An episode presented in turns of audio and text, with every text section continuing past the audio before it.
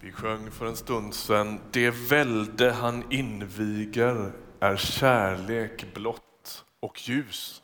Inte blått, utan blått. Ni fattar. Vi tänder ett ljus i advent sjöng vi också. Dagens gudstjänst och sångerna handlar ju först och främst om ljus. Vi hoppas att ljuset ska segra. Men inget av det är knutet till någon slags allmän optimism.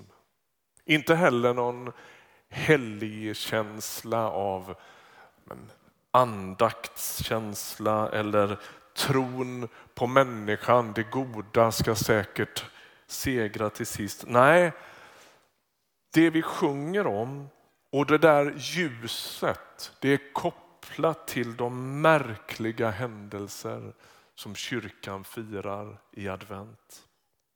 Advent betyder ankomst. Det är någon som kommer.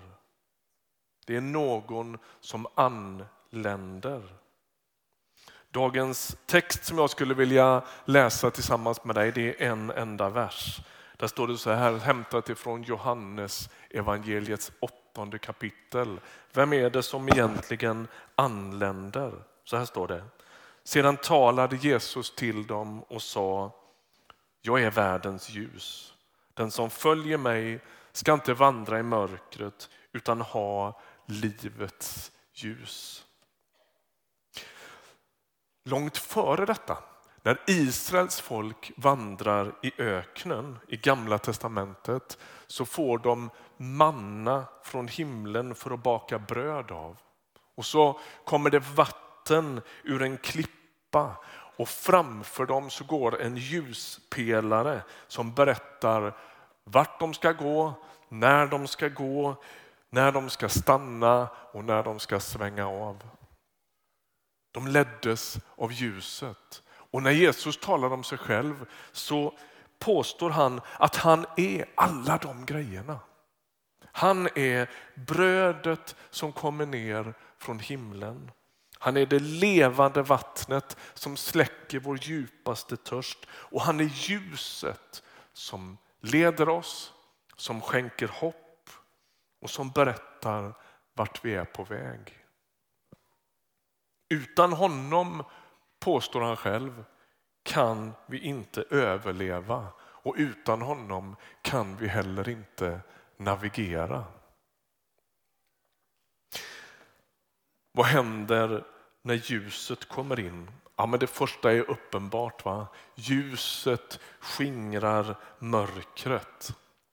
Det här med mörker tycker jag är spännande på ett sätt. I vår kultur så talar vi allt mer om ljusföroreningar. Har du hört det ordet? Ljusföroreningar.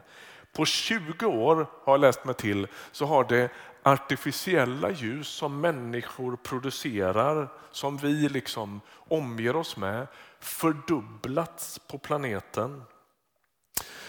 Det berättas att vid ett strömavbrott för några år sedan så i New York City så såg många invånare natthimlen för första gången i livet. Det blir aldrig mörkt i New York.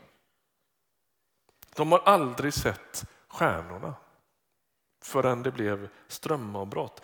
Det är svårt att uppnå fullt mörker eftersom ljus har en enastående förmåga att tränga sig in.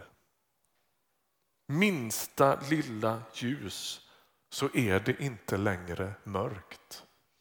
Ljuset kommer. Jesus identifierar sig som ljuset personifierad. Han kommer och skingrar mörkret. Vi kommer tillbaka till det.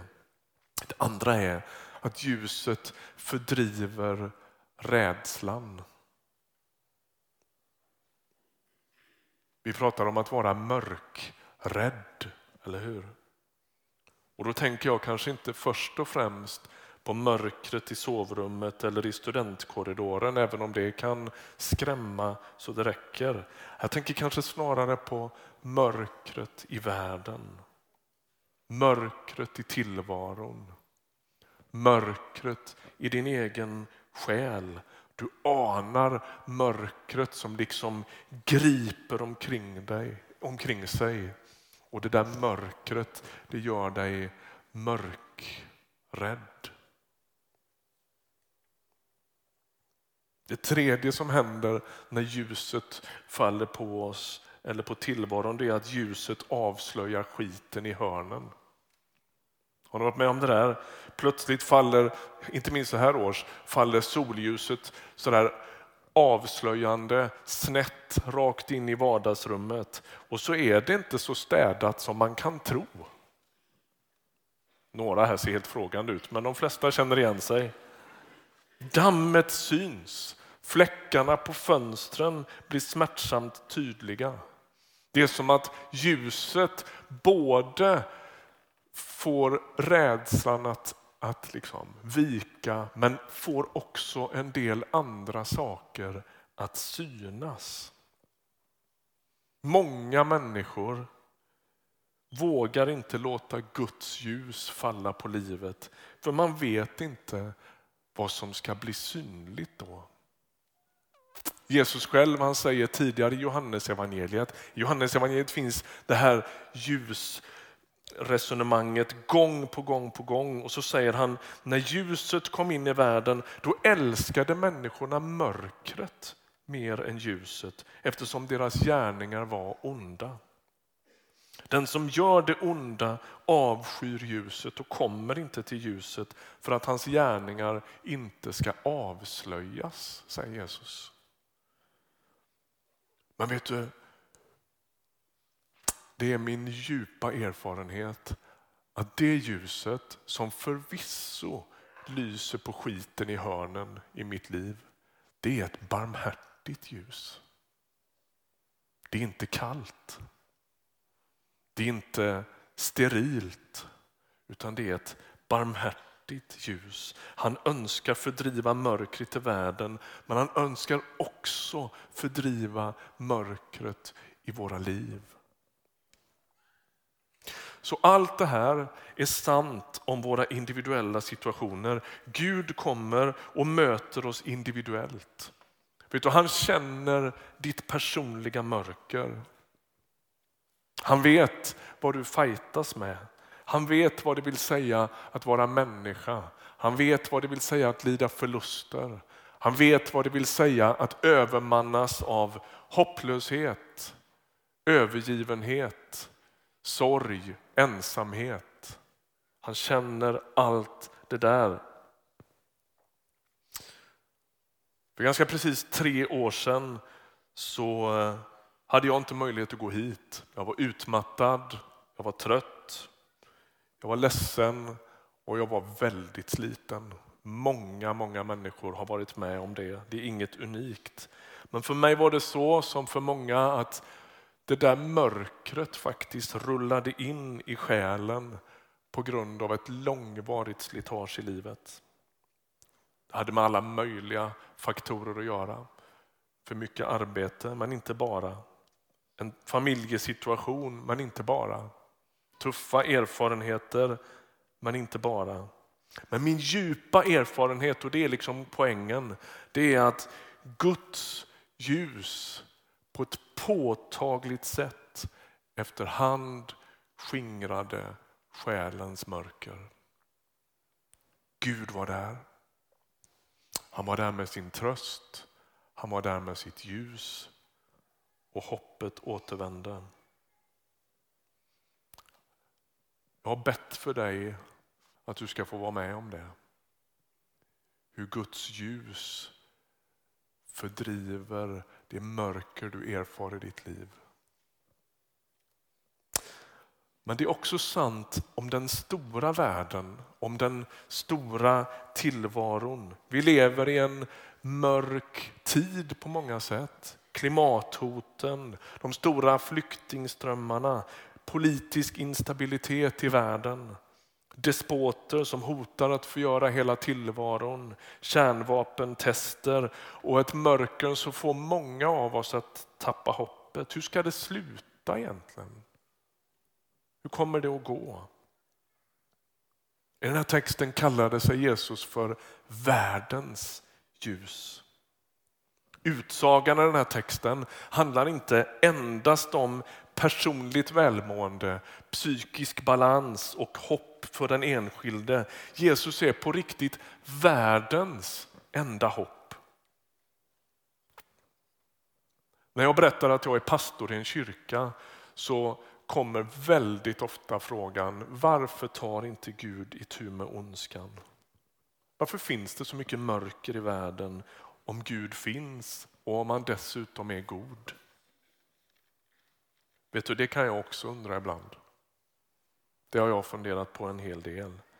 Men Jesus Kristus, världens ljus, ska en dag ta emot, ta itu med ondskan.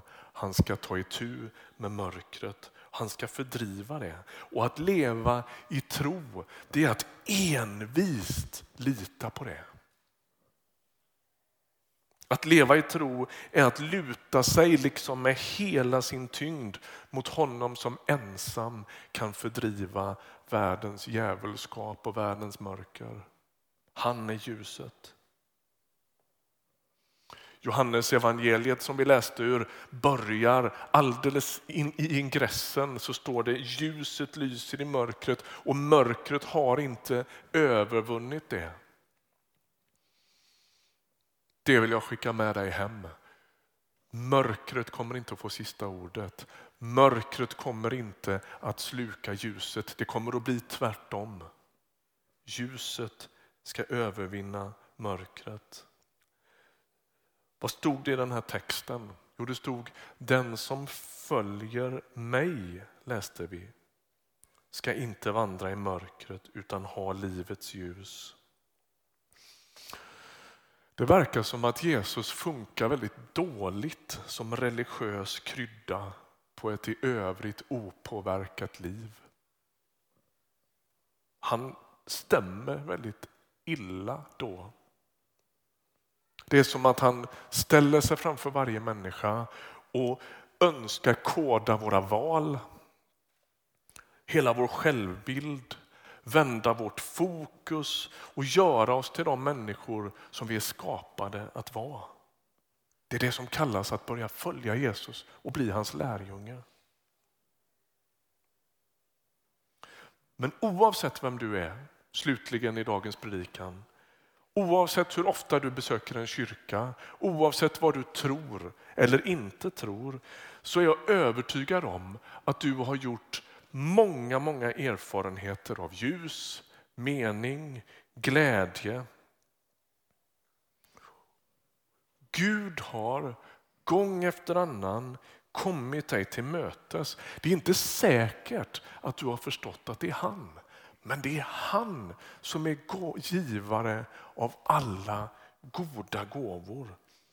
Vad skulle hända om du börjar lyssna till dina erfarenheter av ljus, av godhet och av glädje och följa de spåren baklänges. Vet du vad jag tror? Jag tror att du kommer att stöta på Jesus Kristus från Nasaret. Han är världens ljus. Gud har fyllt ditt hjärta med glädje och ljus och han önskar bli centralfiguren i ditt liv. Min enkla och samtidigt dramatiska uppmaning till dig som är i Ryttargårdskyrkan idag. Omvänd dig och tro på budskapet om Jesus Kristus. Vänd dig till honom i bön. Samtala med en pastor eller med en präst och börja inrätta ditt liv efter nyheten att Jesus Kristus är världens ljus. Ska vi be tillsammans?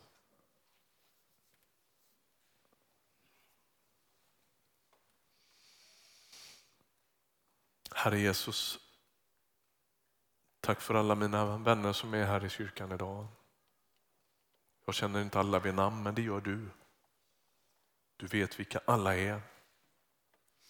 Du vet vad man har med sig hit av erfarenheter av glädje, kärlek, ljus, tillfredsställelse, godhet. Du vet också vad man har med sig av mörker, stöld, förluster. Allt det där som togs ifrån en. Herre, kom till var och en. Lys med ditt ljus. Överrumpla oss med din godhet. Tala till våra hjärtan och hjälp oss att se dig.